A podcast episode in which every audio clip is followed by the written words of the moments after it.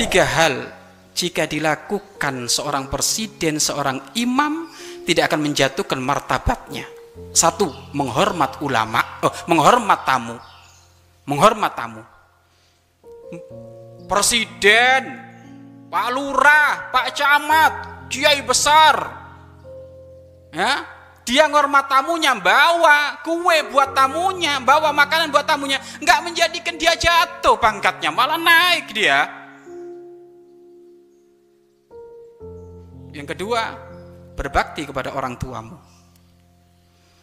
Berbakti kepada orang tua tidak akan menjadikan orang nilainya jatuh. Walaupun dia pangkatnya presiden. Presiden mungkin di hadapan orang kepalanya dangak gini, tapi di hadapan orang tuanya di, malu, tawaduk. Kalau berjalan nggak mau mendahului orang tuanya, bicaranya lembut sekali dengan orang tuanya. Di saat berbicara pakai isyarat, memberikan petunjuk dengan tangan yang yang menghormat. Ini nggak menjadikan beliau malu.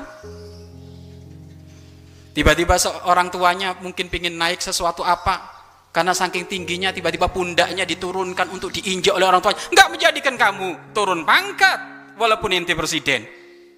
Agung mulia. Kenapa? Tawaduk kepada orang yang paling layak untuk kita hormati yaitu orang tuh orang tua. Ya? Orang tua